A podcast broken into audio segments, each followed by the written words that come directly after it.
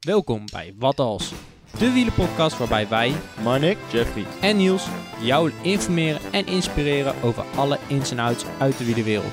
Van recreatieve fietser tot beroepswielrenner, iedereen is van harte welkom bij ons avontuur op zoek naar de perfecte fietser. Het wordt een hele tour, het wordt een lange rit. Oh lieve schat, mon amour.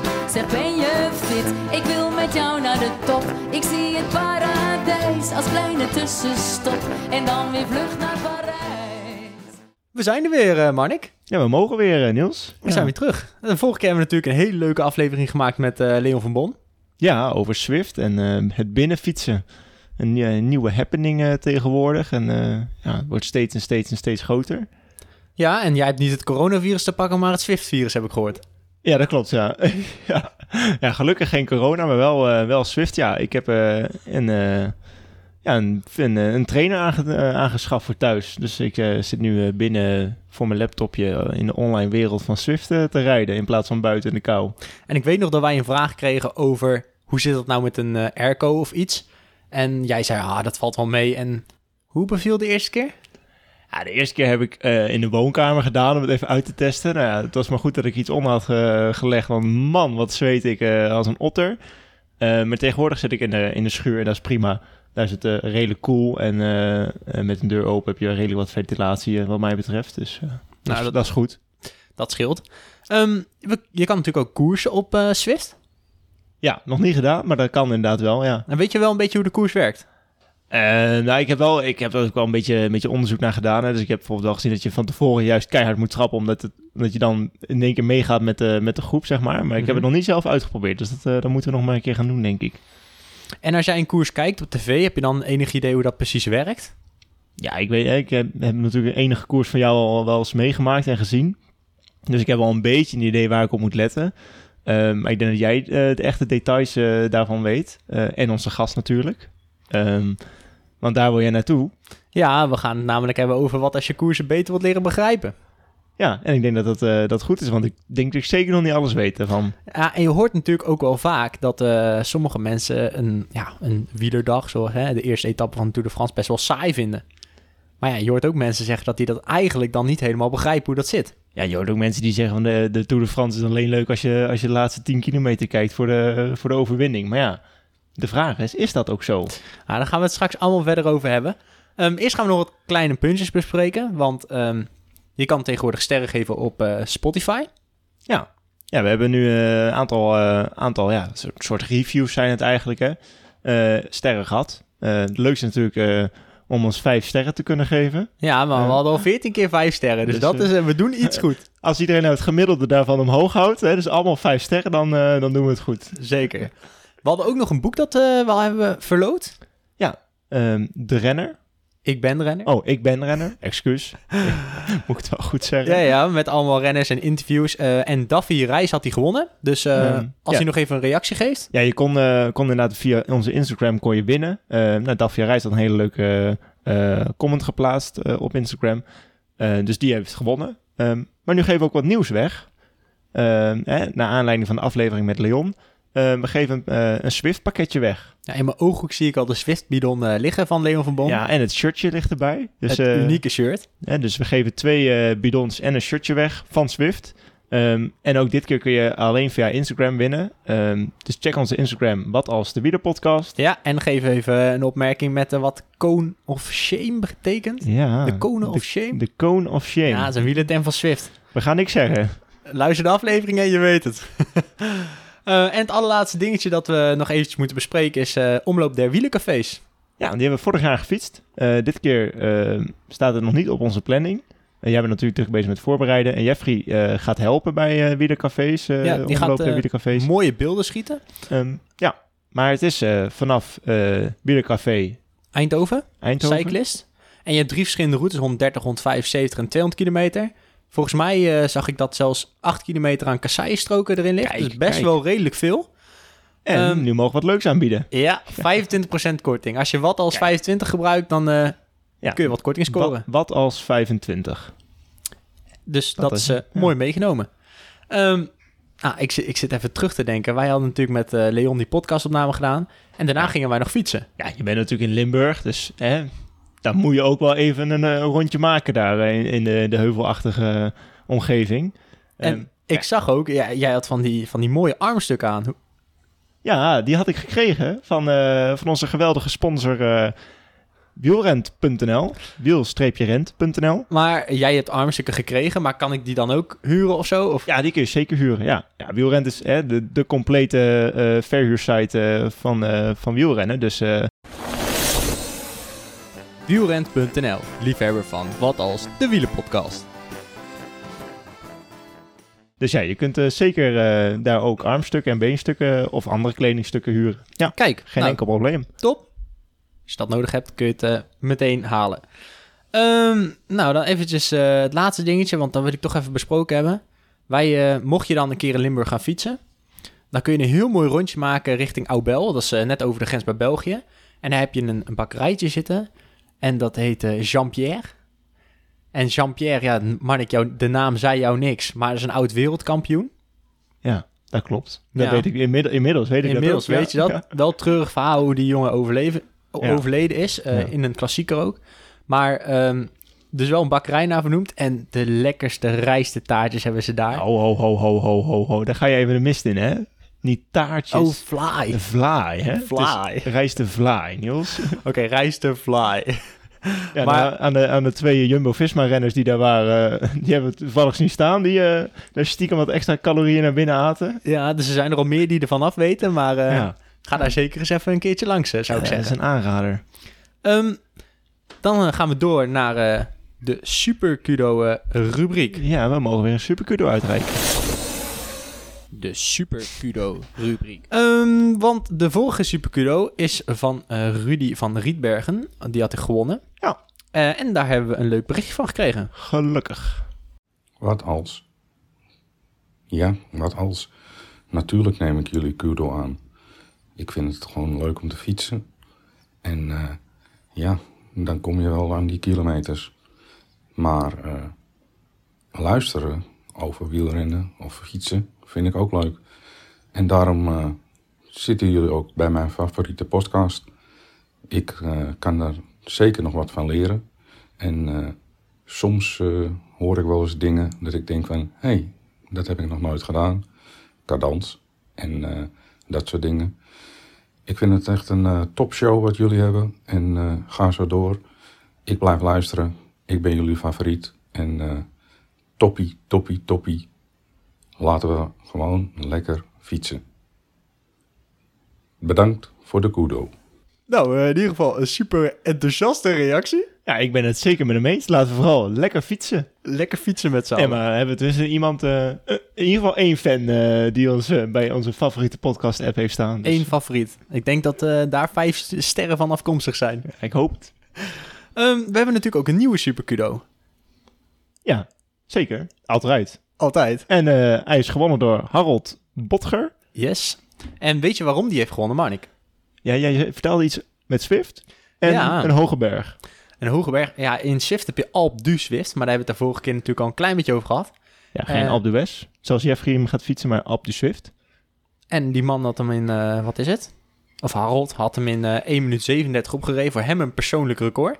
Dus nou ja, dat verdient zeker even een super kudo. Eh, en ik zag al met een knipoogje erbij dat hij eh, de volgende keer voor een uur ging. Ik weet niet hoe, eh, hoe, Oh, of dat hij dat gaat redden, maar eh, ik hoop dat deze supercudo hem daarbij gaat helpen dan. eh. hij is in ieder geval een streven voor de volgende keer.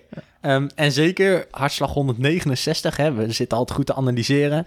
Op 51-jarige leeftijd, nou, dat vind ik toch wel eh, flink. Dat is eh, zeker een, eh, een supercudo waardig. Zeker.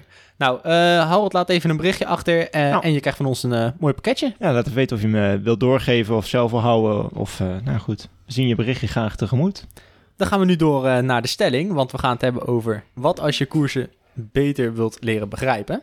Ja, Eh, en we hebben een hele leuke gast in ons midden. ja ik denk dat, eh, nou ja, ik mag hopen dat iedereen hem wel kent. Laat Ja? ik het zo zeggen. Ehm, ik had daarvoor een kleine introductie gemaakt. Dus nou ja, hier komt de jongens. Als zesjarig jongetje wist hij het al. Hij wilde verteller worden. Wat hij toen nog niet wist, over welke sport hij ging vertellen. Een legendarische commentator van de NOS, alleen al bij het horen van zijn stem, schiet ik in de koerstand. Winnaar van de Theo Komen Award in 2018, ook wel de prijs voor de beste sportcommentator van het jaar genoemd, Mannen zoals Jack van Gelder, Andy Houtkamp, Hans van Zetten en ook zijn co-commentator tijdens de Tour de France, Gio Lippens, gingen hem al voor. Want eigenlijk kennen we onze gast vooral van zijn commentaar vanaf de motor tijdens Radio Tour de France. Weet je wel? Tour Flits. Tour Flits.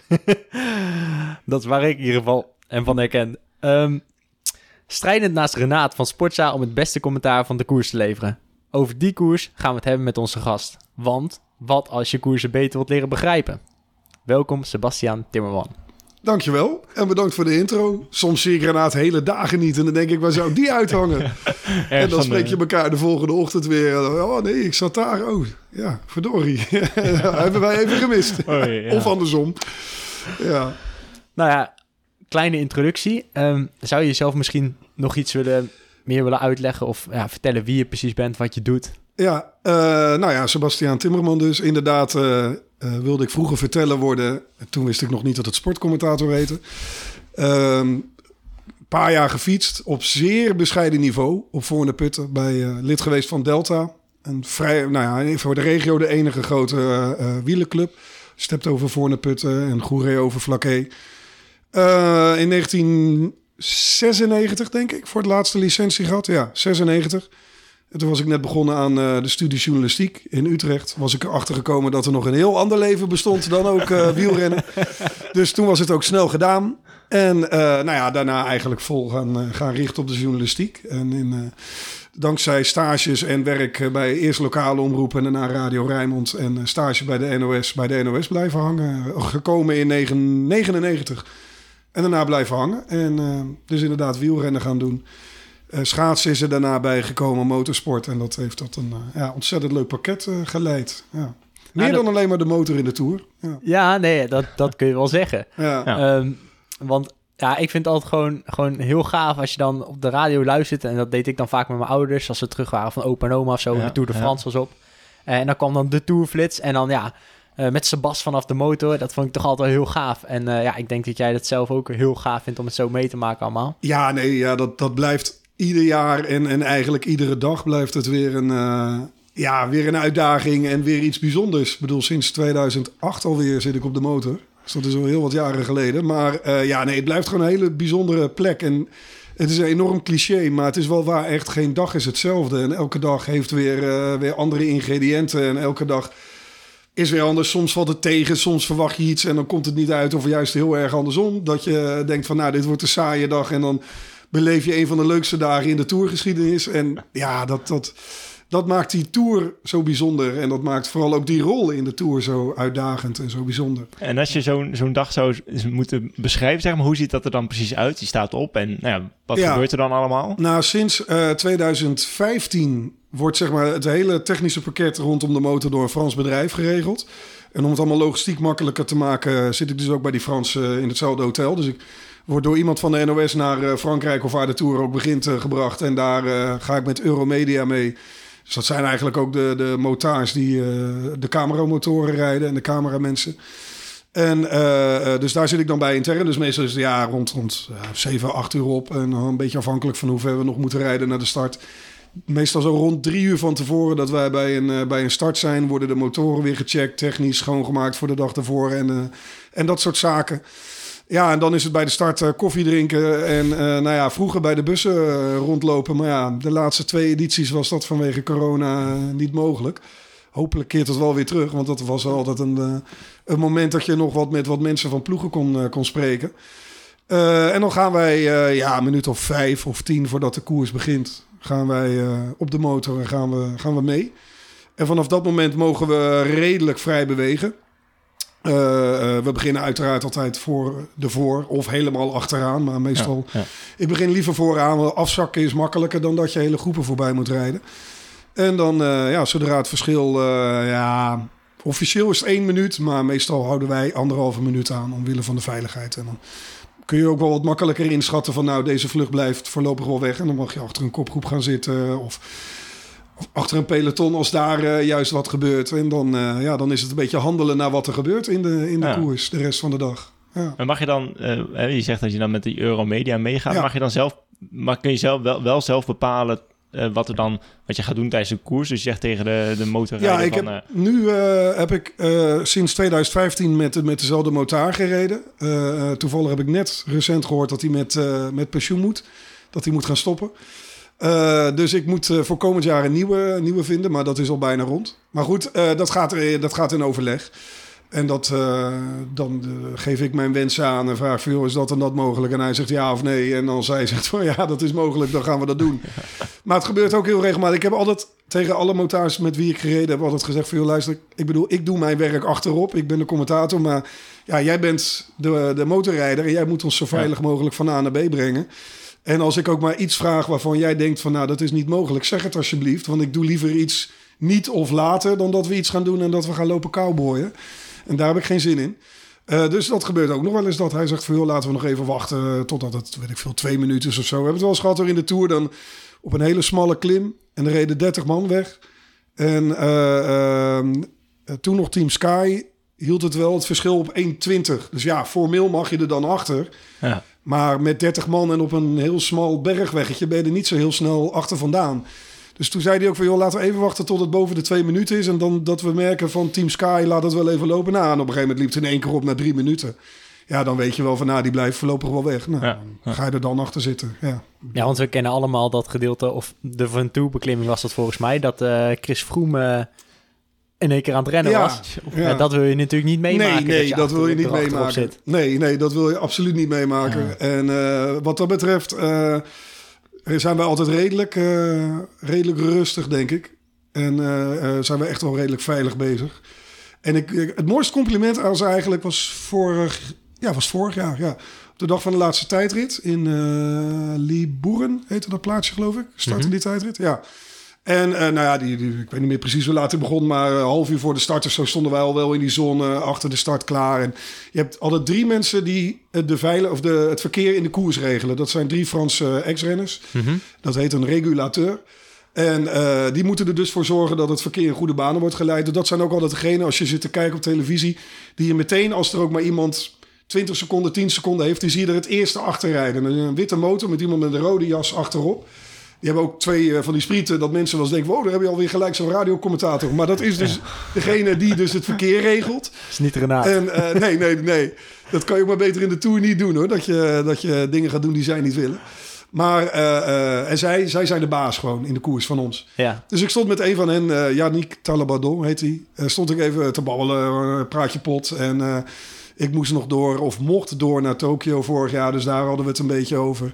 En toen op een gegeven moment zei hij ook van... eh, eh, een beetje aan het einde van ons gesprek... Van, nou, als ik je niet meer zie vanmiddag... Zeg, eh, dank voor drie weken tour. Ik heb lekker gewerkt, bla, bla. En toen zei hij ook, hij zei, nou ja, eh, jij bedankt. Hij zegt, want jullie zijn, eh, ja, we hebben eigenlijk nooit problemen met jullie. Nou, dat, dat vind ik, Ja. wel, als ik dat hoor aan het einde van de tour, dan, eh, dan ben ik daar blij mee. Als, als de ASO dat, eh, dat zegt, ja. ja, een groot compliment. me Ja, ja, voorstellen, precies. Ja. Dan, dan hebben we in ieder geval niet te, te veel in. Kijk, je komt altijd wel eens in een situatie dat je een beetje in de weg rijdt. eh, met, met rennen en zeker in bergetappes. Als je in ieder geval maar niet te veel in de weg hebt gereden, dan, eh, dan hebben we het goed gedaan, denk ik. Ja. Ja, je hoort steeds vaker hoe, hoe erg het ook is dat er natuurlijk hè, ongelukken gebeuren met motoren en renners Ja. en auto's en renners. Ja. nou, nu, Dus, nu gaat het gelukkig de laatste jaren eh, gaat het wel weer beter. Gaat het wel weer goed. En zeker ook echt in de Tour moet ik zeggen dat dat ja... Dat, de, de, die organisatie is straks georganiseerd, maar ook wel gewoon het beste georganiseerd. En dan weet je gewoon wat je wel mag en wat je niet mag.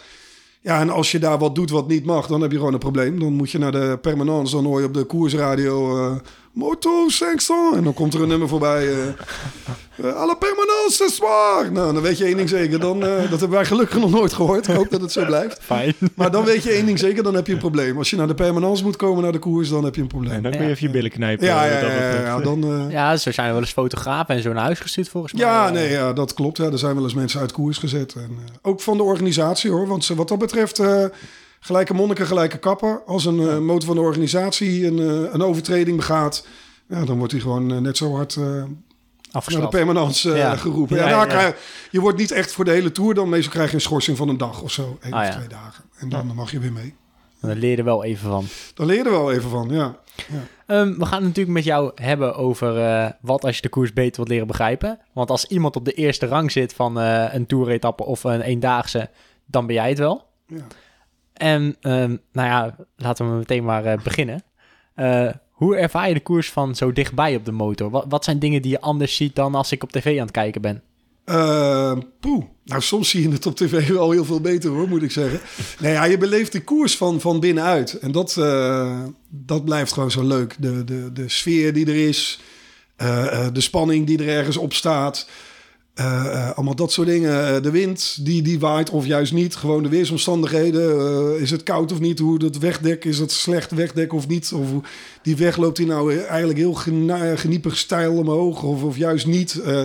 Dat soort dingen, daar richt ik me altijd op. Want ook al zijn er nou, tegenwoordig vijf camera's in, in de koers...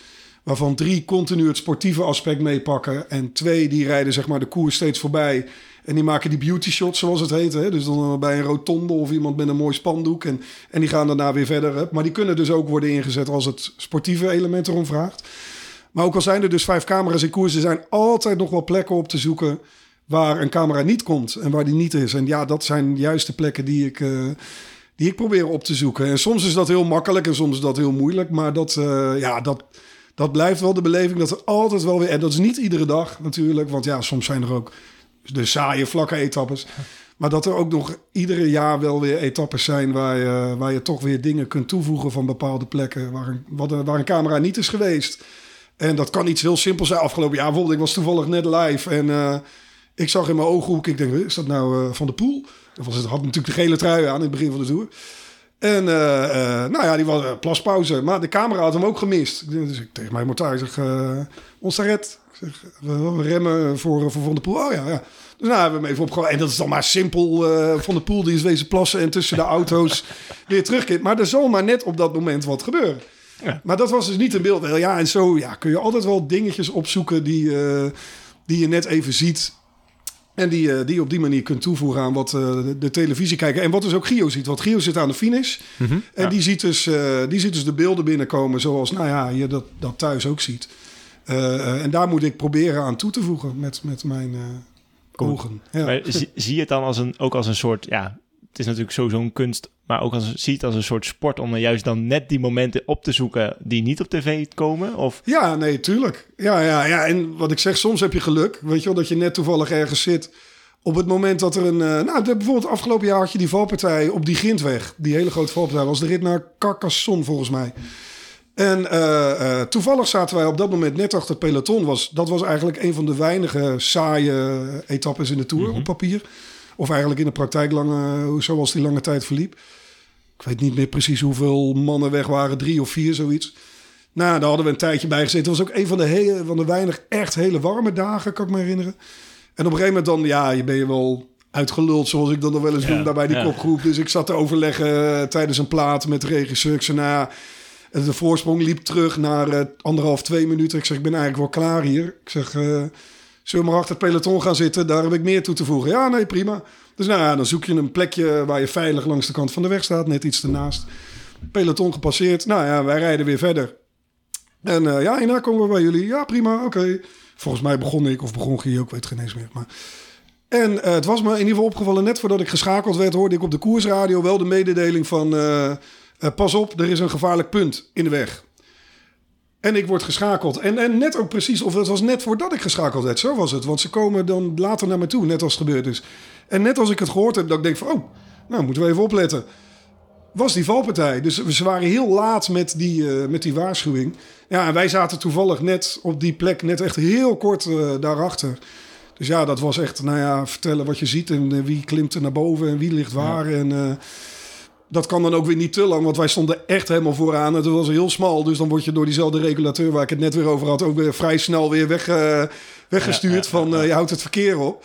Maar ja, dan, op dat moment kun je dan wel even live net. Dan zit je op dat moment, ja, puur toeval, zit je net even, even op het goede moment op de goede plek. Ja. ja. Maar ik heb het ook wel eens gehad dat er een valpartij was en dat wij uh, drie minuten ervoor zaten hoor. Of nog verder daarachter. Ja, en dan denk je op dat moment, ja, verdorie, maar ja, dat, dat, ja, daar doe je niks aan. Dat is hey, wel pech. Je kan moeilijk even terugrijden. Ja, nee, dat, mag, dat krijg je gelijk kort roes. Ik heb één keer, ik ga zijn naam niet noemen, maar één keer toen reden we, toen waren we op weg naar een kop koffie. was vroeg op de dag. En we dachten, nou, we kunnen wel even de koers uit. Dus wij even de koers uit. En we reden op zoek naar een, naar een cafeetje om even... We hadden ook niet geluncht, geloof ik. Dat schiet er ook heel vaak bij in. En uh, nou, bij ons in de buurt reed een, uh, reed een fotograaf. En die, of tenminste een motaar met zijn fotograaf. En die fotograaf die zag net te laat een heel mooi plekje. Dus, en die, die reed echt na zo, eh, ja, die overleggen. Ja, en ik hoorde hem nog roepen van, nee, nee, we mogen niet terug. Wel, en eh, in het Engels dan. En eh, dus op een gegeven moment, nou ja, toch, oké, het was maar 100 meter. Hè, omdraaien. en het was ook echt een kwartier voor de koers uit. Maar ja, er staat in de reglementen, je mag niet tegen de richting inrijden. En eh, eh, dus hij toch omgedraaid en een heel klein stukje terug. En net op dat moment komt dus de koersdirecteur, of nee, de, de, komt eh, eh, Christian Prudhomme, de tourbaas, wagen nummer 1. Die komt aangesjeest, want die moest ergens in het volgende dorpje een burgemeester of een of andere VIP ophalen. Echt, nou ja, dat gebeurt je nooit, maar precies hij op dat moment. Dus ja, die kreeg de dag daarna uh, Cart Rouge. Die moest een dag uit koers. Die moest met een blauwe sticker in plaats van een groene. en dan mag je niet mee in de caravan. Ja, dat was echt gewoon domme pech. ja. ja. Jeetje. Maar ja, het heeft natuurlijk een goede reden dat het niet mag. Maar Ja, eh, nee, tuurlijk, Word je wel tuurlijk. zo eh, net eventjes Ja. gepakt. Ja, ja, dus ja, nee, soms zit je net op het goede moment op de goede plek en soms, soms niet. Ja. Maar laten we even naar het begin van gaan van bijvoorbeeld een etappe. Ehm, want mensen zeggen dan vaak, hè, wat in het begin al zeiden, van nou, koers kan best wel saai zijn. Ja. Ehm, maar hoe zit het eigenlijk met zo'n kopgroep? Want ja, ik weet zelf, eh, het ziet er altijd heel makkelijk uit. Maar de nervositeit, eh, het springen, eh, hoe, hoe, hoe maak je dat vanaf de motor mee? Hoe werkt zoiets? Ja, nou wij zitten daar meestal wel, moet ik wel zeggen, een stukje voor hoor. Want eh, zeker in zo'n neutralisatie, dan mag je nog wel Want- even laten afzakken. En dan op een gegeven moment, ja, koers begint altijd met een neutralisatie. Voor mensen die dat niet weten, dat is dus... Kijk, zo'n etappe begint vaak in een stadscentrum. En dan kan je niet gelijk zeggen, oké jongens, 3, 2, 1, hup, go. We rijden. Tenminste niet bij de profs. Dus dan gaan ze in, eh, gegroepeerd eh, achter de, de rode auto van Christian Prudhomme. En dan rijden ze op die manier rijden ze de stad uit. En dan, eh, en vergis je niet, er zijn wel eens neutralisaties die 10 kilometer duren. Dus dan heb je al een etappe van soms 200 kilometer. En dan komen er nog eens gratis 10 kilometer bij. Ja, je moet toch trappen. Ze rijden eh, op een redelijk gematigd niveau. Maar goed, je moet het maar wel fietsen. Dus die, die 10 kilometer komen nog eens bovenop die... Ja, die staan niet in het routeboek. Dus als jij op televisie eh, ziet of je hoort ons vertellen van... nou, de etappe vandaag is 180 kilometer lang... dan kan dat ook gewoon 196 zijn als de 16 kilometer neutraliseren. Ja, 16 is wel heel ver hoor, maar meestal is het tussen de, de 2, 3 en de... nou, globaal 6, 7 kilometer. Dat is een beetje een gemiddelde neutralisatie. En dan eh, op een gegeven moment eh, dan, dan eh, komt Christian Prudhomme naar buiten... en die heeft dan een witte vlag... En altijd ook zijn microfoon in zijn handen. En dan roept hij dus op de koersradio van... we naderen het kilometer nulpunt. Hè, maak u klaar, neem afstand voor aan de koers... want de etappe gaat bijna beginnen. En nou, dan zwaait hij op een gegeven moment met de witte vlag. En dat is dus op het kilometer nul. En dat is dan de officiële start. Ja. Waar dus ook de kilometrage begint. En dan eh, ja, is het een beetje de vraag wat er gebeurt. En soms zijn er drie Fransen van drie kleine Franse ploegen... die eh, op avontuur gaan. En dan zie je de rest van het peloton denken... eh, tot vanmiddag. En soms duurt het anderhalf, twee uur voordat er een, eh, een kopgroep weg is. En dat hangt natuurlijk heel erg van de etappe af. Als het begin van de Tour is, alle sprinters zijn nog aanwezig. Redelijk vlak parcours, mooie brede wegen, geen harde wind. Ja, dan kun je er wel van uitgaan dat het een kansloze missie is om in een ontsnapping te gaan. Omdat die Ja. controle nog heel hecht is, heel heftig is. Maar ja, als het parcours glooiender is of eh, het is tegen het einde van de Tour... en er zijn veel sprinters naar huis... Ja, dan kan dat heel anders zijn. En dan, dat, dat, dus dat, dat ligt er helemaal aan. En dus soms is de eerste keer gelijk raak. Maar ik heb ook wel eens meegemaakt dat het anderhalf uur duurde... en dan hadden we nog geen kopgroep. En eh, ja, dan had ik eh, zes pagina's met nummers volgeschreven. Iedere keer weer. En dan een gegeven moment hoor je alweer eh, zo'n kopgroep... en dan denk je, oh, nou, dit is het misschien wel. En dan gaat het naar de minuut en dan loopt het in één keer weer terug... naar 20 seconden denk je, nee... eh, en dan hoor je, échappé, terminé. Nou ja, oké, op, op naar de volgende. Ja. Maar ja, dat, dat is voor ons soms ook wel lastig zaak. Ik kan me herinneren in de Pyreneeën een keer... eh, volgens mij praat ik wel te veel, maar goed, dat maakt niet Nee, uit. dat geeft helemaal Daar niks. In de Pyreneeën een keer, ja. Dat is een podcast voor. Ja, daarom. Toen eh, was, duurde het echt onwijs lang. En dat was een etappe volgens mij vanuit Po of Lourdes. Maar dan begin je met hele mooie brede wegen. En dat glooit een beetje. En dan op een gegeven moment ga je... Dat parcours is heel vaak hetzelfde. Ga je op een gegeven moment rechtsaf. En dan heb je een hele brede weg. Dat is echt een soort snelweg. De valleien naar de voet van de Aspen. Maar ja, je weet ook, eh, de Aspen is rechtsaf. En dan, dan wordt die weg in één keer heel smal.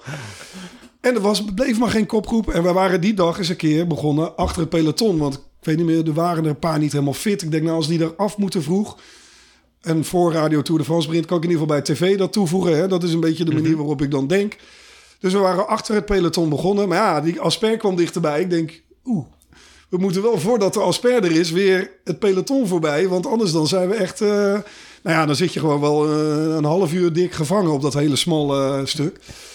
Dus nou ja, wij naar voren en eh, dan vraag je dus aan die regulateur... dan doe je een beetje, maak je zo- zo'n kommetje met je hand... van mogen we, mogen we er voorbij? En hij kijkt en, no, no, no. en hij ook van ja, maar kijk dan, eh, weet je... er reden echt overal renners, overal werd er gedemareerd. Toen op een gegeven moment werd die vierbaansweg... werd een zesbaansweg zo'n beetje zo breed... Hij zei, nou, nu dan, ga maar. Dus wij, hup, wij dat peloton voorbij. Dat was echt net voor de, voor de Aspen. Dus toen waren we wel, eh, ja, dat, dat- dan ben je wel, hou je wel even opgelucht adem. Want dan kan je net wat makkelijker manoeuvreren. Ja. Maar ja, soms is het ook de eerste demarage, eh, is het raak. Ja, dat weet je niet. Maar als je dan voor de asper zit en eh, voel je dan ook die nervositeit van de renners? Ja, dan? Want ja. dat maak je natuurlijk niet mee op tv. Nee. En dat kan je in de Nou, koers. dat heb ik inderdaad ook. Ik weet niet meer, dat was een paar jaar geleden toen de Tour ook in Bretagne eh, een rit of drie had. Er was een één etappe bij en dat was een beetje à la Luik, Luik. Allemaal en dan wat smaller, maar wel allemaal van die klimmen van, van tweede, derde categorie. En iedereen keek naar die rit. Het was geloof ik de eerste maandag of zo. Mhm. En ehm er werd ontzettend hard gereden die dag. En er moest ook wel een flinke groep af, maar de favorieten bleven allemaal vooraan over bij elkaar. Dus ik stapte op een gegeven moment van die motor af en ik kwam Gio tegen. Die zei, ja, ja, zo'n beetje eh, een vervelende etappe, hè? viel wel een beetje tegen.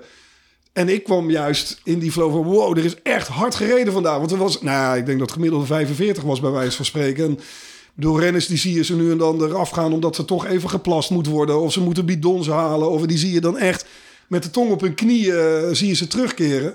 Dus ik zat helemaal in die vibe van, wow, wat een rit wel. Ja, ik bedoel, oké, Ja, er is niet gedemareerd vooraan. Iedereen verwachtte Valverde. Nou, die zat en bleef zitten in de peloton. Maar er is wel echt hard gereden. En heel veel mensen reageren van, ja, saaie etappe. Dus dat is inderdaad wel het verschil als je het voorrecht hebt om op die motor te zitten... en je zit in die koers... Ja, dat je dat wel op een andere manier beleeft. En dat probeer ik dan wel inderdaad ook zoveel mogelijk ja, over te brengen op de radio. Ja. Ja, ik denk dat, eh, dat hoor je inderdaad wel vaak. Van dat mensen dan zeggen van ja, dat is echt een saaie etappe. Alleen maar bij elkaar, er is niks gebeurd. En eh, Ja, nou ja, Ja. die zijn er ook wel hoor. Ik kan me herinneren dat ik ooit eens een keer om half twee eh, achter Guillaume van Kersbilk reed. Dat ik dacht, oh help, we moeten nog tot eh, half zes, kwart voor zes. Hoe gaan we dat oplossen? Maar ja, ja, die dagen horen er ook bij. En dan eh, ga je maar wat vertellen over de omgeving en dat soort dingen. En de regio en eh, ja, en dat soort dingen. En dan heb ik altijd wel een paar reddingsboeien waar ik me mee eh, kan, uit de brand kan helpen. Maar ja, die dagen zitten er ook tussen. Maar bijvoorbeeld ook vorig jaar, ik had, we hadden het er straks over die boeren. Die rit daar naartoe, dat was de laatste vrijdag. En ging ook iedereen vanuit van, nou, dit wordt een massasprint. Kevin kon het record pakken. Eh, de, start was in Moerans, hè, de, de plek van Merckx. Oh, ja, ja. ja, wel bijzonder. Hè? De plek van waar Merckx ooit met eh, zo'n groot verschil won. En vandaag gaat hij zijn record kwijtraken. En we rijden, rijden weg. En wel vaak denk je van, nou, dan zullen er wel drie of vier wegrijden. En het was gelijk vanaf kilometer nul.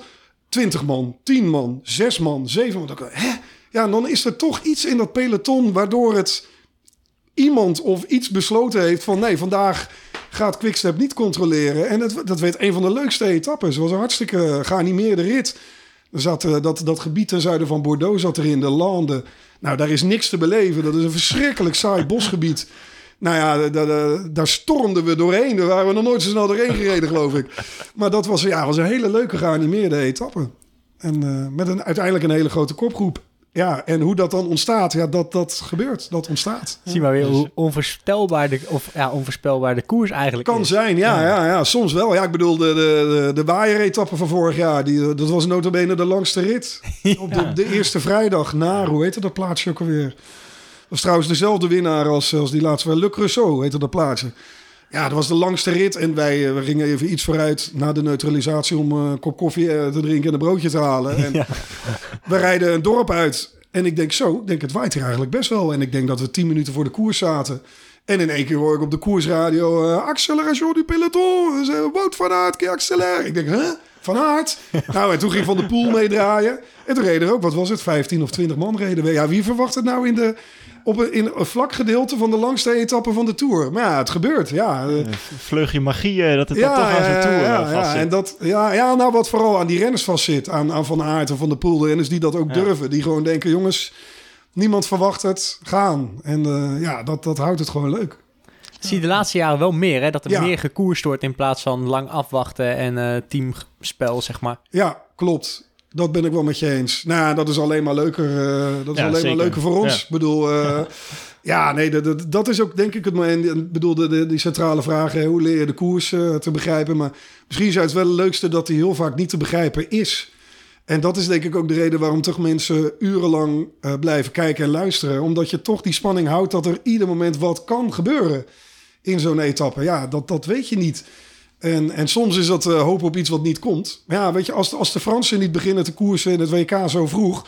wordt het misschien wel een heel saai WK lange tijd. Een heel gesloten WK. Maar omdat die Fransen heel vroeg eh, ten aanval trokken... werd het een ontzettend leuk wereldkampioenschap. Ja, Ja, als we meestal thuis dan voor de, naar de tour zitten kijken of zo, dan denk- ze van ja, waarom zit je nou gewoon heel de middag naar het tv-scherm te kijken waar alleen maar mensen aan het fietsen zijn? En Ja. denk ja, maar stel je voor dat, of ja, Ja, is precies. toch een, een of iets dat dan toch blijft te kijken en Ja, Ja. nou, bijvoorbeeld de, een van de beroemdste, denk ik voor Nederlandse wielerfans, een van de leukste eh etappes blijft die etappe uit 2013. Ja, de Tour van Bouwerlauw, de, de waaierrit Oh, ja, ja. naar eh Saint-Amand-Morol. En ik weet nog dat toen reed ik met René Buikens, een, eh, echt een hele lieve man uit Vlaanderen, die veel te vroeg is overleden helaas. En eh, ook, toen reden we ook ietsje vooruit op een gegeven moment, want er waren vier Fransen weg geloof ik, of in ieder geval een kleine kopgroep. En ik dacht even, oh, pff, een beetje... Wordt weer zo'n vier keer viertje, vier man weg, vier minuten en op vier kilometer worden ze, worden ze ingelopen. gaan we weer. Gaan we weer. En we reden, we stonden, eh, ik aan de koffie, René dronk al het colaatje. En hij zegt, eh, oh, hij zegt, dat wordt wel wat vandaag. Ik zeg, ah René, kom op. Ik zeg, vier Fransen weg en... en hij, eh, hé hey, Sebaske, heb jij de wind niet gevoeld? Ik zeg, ja, ja René, eh, vrij vlakke weg. En, eh, dus die had het heel goed, voor, had het goed voorspeld. En we stappen de motor op en we rijden dat dorpje uit. En eh, op een gegeven moment wordt wagen 3 opgeroepen, neutrale wagen 3. En dat is eigenlijk altijd al een soort moment dat je denkt van... hé, hey, er gaat wat gebeuren. En eh, nou ja, die koers ging natuurlijk vanaf dat moment helemaal los. Het was een van de mooiste etappes die, we, die ik ooit heb meegemaakt. Waarbij we trouwens geen rennen van dichtbij hebben gezien. Want omdat die verschillen onderling tussen die waaiers heel lang heel klein bleven... Ja, ja. ja, ja. eh, eh, konden we er niet tussen. Dus wij- uiteindelijk ben ik heel, bijna heel de middag vooraan gebleven. En ja, maar achterom kijken en dan zie je van die stipjes in de vette. En dan op basis gewoon van wat je dan nog wel ziet en de koersradio maak je je verhaal. En vooral vertellen waar de wind vandaan komt en hoe die waaien draait, et cetera. Maar dat werd natuurlijk een van de mooiste ritten. Ja, voor mij totaal onverwacht. Ja. Ja, dat, eh, dat blijft toch altijd heel mooi. Ja, want als, dan heb je vaak, hè, ik zit dan zelf ook wel eens in de koers en dan weet je, de bocht gaat naar rechts en de wind komt van links. Oké, ik moet voor die bocht vooraan, want dan is het één nervositeit voor de laatste bocht. En dan draait het in waaiers en dan zie je altijd heel vaak dat ze op de, op de kant komen te zitten. Ja, En ik denk dat dat ook wel een mooi moment is als je op de, op de motor zit. Dat je denkt van, ja, daar gaat het breken. ja. Eh, want op tv zie je dat vaak en dan zitten ze links op het kantje en dan denk je, ah joh, trap even dat gaatje dicht. Ja, maar dat, dat heb ik ook heel vaak als ik... Ik heb als een koers voor jou gezien bijvoorbeeld. Ja, jij, nee. en dan denk ik van, kom aan jongen, rij je gewoon, eh, trap even wat harder door. Dan zit je erbij en dan kun je weer mee. En dan denk ik van, ja, maar waarom doet hij het nou niet? Weet je wel? Ja, Ja, dat is echt... Dat, etappe die ik me ook nog echt heel goed kan herinneren... was naar Montpellier. Ik weet het jaar niet meer. 14, 15 of 16 of zo. En toen bleven er uiteindelijk vier over. Froome, Ja, Sagan won die rit. Sagan. Sagan. wilde hem laten aan zijn, eh, die ploeggenoot van hem. Die Ja, ja, ja. tijdrijder, die Pol. Hoe heet je ook alweer? Oh, even zijn naam kwijt. Boegman? Nee. Nou ja, anyway, die won later in die Tour nog wel de laatste tijdrit trouwens. Eh, eh, maar daar wilde Sagan hem aan laten. En Thomas. Thomas was de Ja, vierde Thomas was die er ook mee bij, zat. ja. Nou, dat was ook een rit. En wat jij zegt inderdaad, daar, daar zag je gewoon die groepen uit elkaar knallen. Er stond zo'n harde wind. En eh, nou ja, ook een heel open gebied, daar bij Montpellier in de Ja. buurt. En ja, echt, daar heb ik echt, echt toppers, profs van, van grote naam zo zien knokken. Echt Wilco Kelderman, dat soort renners. Zo zien knokken op de kant om zo'n waaier gewoon bij te blijven houden. En dat je denkt van, jemig jongen, waar, waar... En dan rij je al 60, hè? ja. Terwijl de wind vanaf de zijkant eh, loopt te blazen. Ja, dat, ik denk dat dat heel veel mensen natuurlijk niet doorhebben als ze naar de tv zitten te kijken. Nee. En dan die zien mensen fietsen. Ja, die hebben geen flauw idee hoe hard dat eigenlijk gaat. Het gaat hard. het gaat, nou, ik heb, we hebben wel eens, wat ik zeg, dan eh, een kopje koffie drinken. Hè, wel eens een keer, dat- we hebben ook wel eens gehad, dan, dan nou, bijvoorbeeld die rit van vorig jaar, eh, door de landen, die, die laatste rit, op die laatste vrijdag bedoel ik. Daar werd zo hard doorgereden dat op een gegeven moment, nou ja, wij, wij denden continu met 75 km per uur. En dan kwam die regulateur weer van, monsieur. Hup, Oké, dan Gast, dat ik echt naar die teller zat te kijken. Nou, 75. dan wij ze- We zullen er wel ver voor zitten. En dan draai je om en dan zie je maar 200 meter achter je... de, de, de zwaailichten van de, de motards, van de, de Franse gendarmes... of de, de Garde Républicaine... die net voor de koplopers rijden. Dus ja, dan moeten we echt ons best doen om daarvoor te blijven. Dat is soms... Ja, is dat echt wel... Dat blijft gewoon na al die jaren nog verrassend en imponerend. Ja. Ja, ik heb één keer bij jou natuurlijk, hè, was je, moest je, dat is het, eh, NK tijdrijden of zo reed je Oh. toen. Ja, en toen mocht ik dus ook een keer mee in, voor, hè, dat was met, samen met je vader was dat, eh, mocht ik dan eh 18 jaar rijden.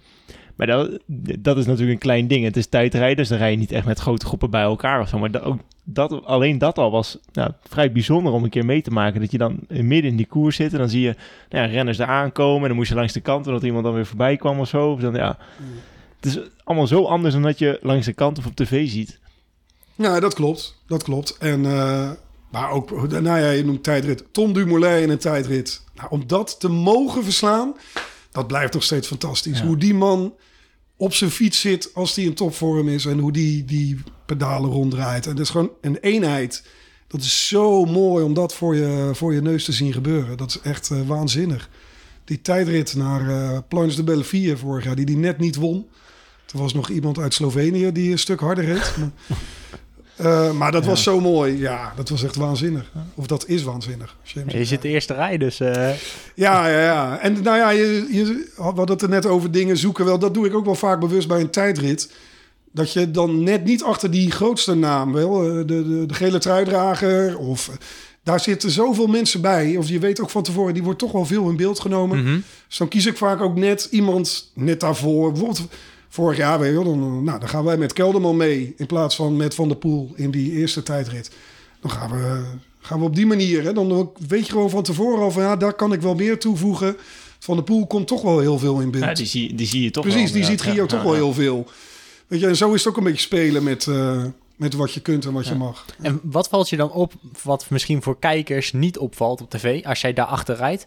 Zie je dan iets bijvoorbeeld, ja, ik zeg maar wat, hè, de benen die geolied zijn of... eh, Ja, dat kan van alles zijn. Dat kan inderdaad of iemand heel zwaar rijdt of juist heel licht. Eh, eh, ehm, op een gegeven moment kan me nog herinneren dat, dat een keer met Mollema, die verloor heel vroeg in de tijdrit zijn bidon. Die, die vloepte eruit en die, oh, nou, ja, dan noem je dat. En, dus dat kan, dat kan eh, van alles zijn inderdaad.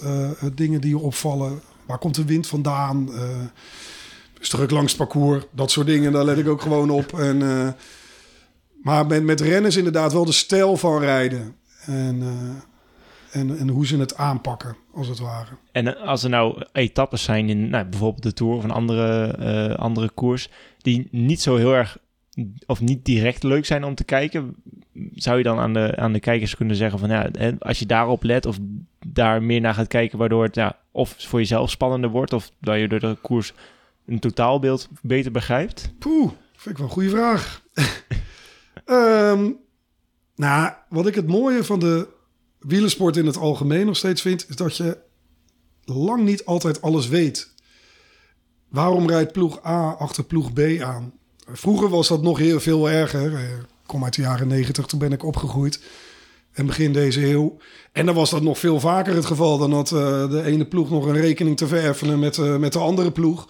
Nou, en als er dan eentje demareerde, hup, dan ging iedereen erachteraan.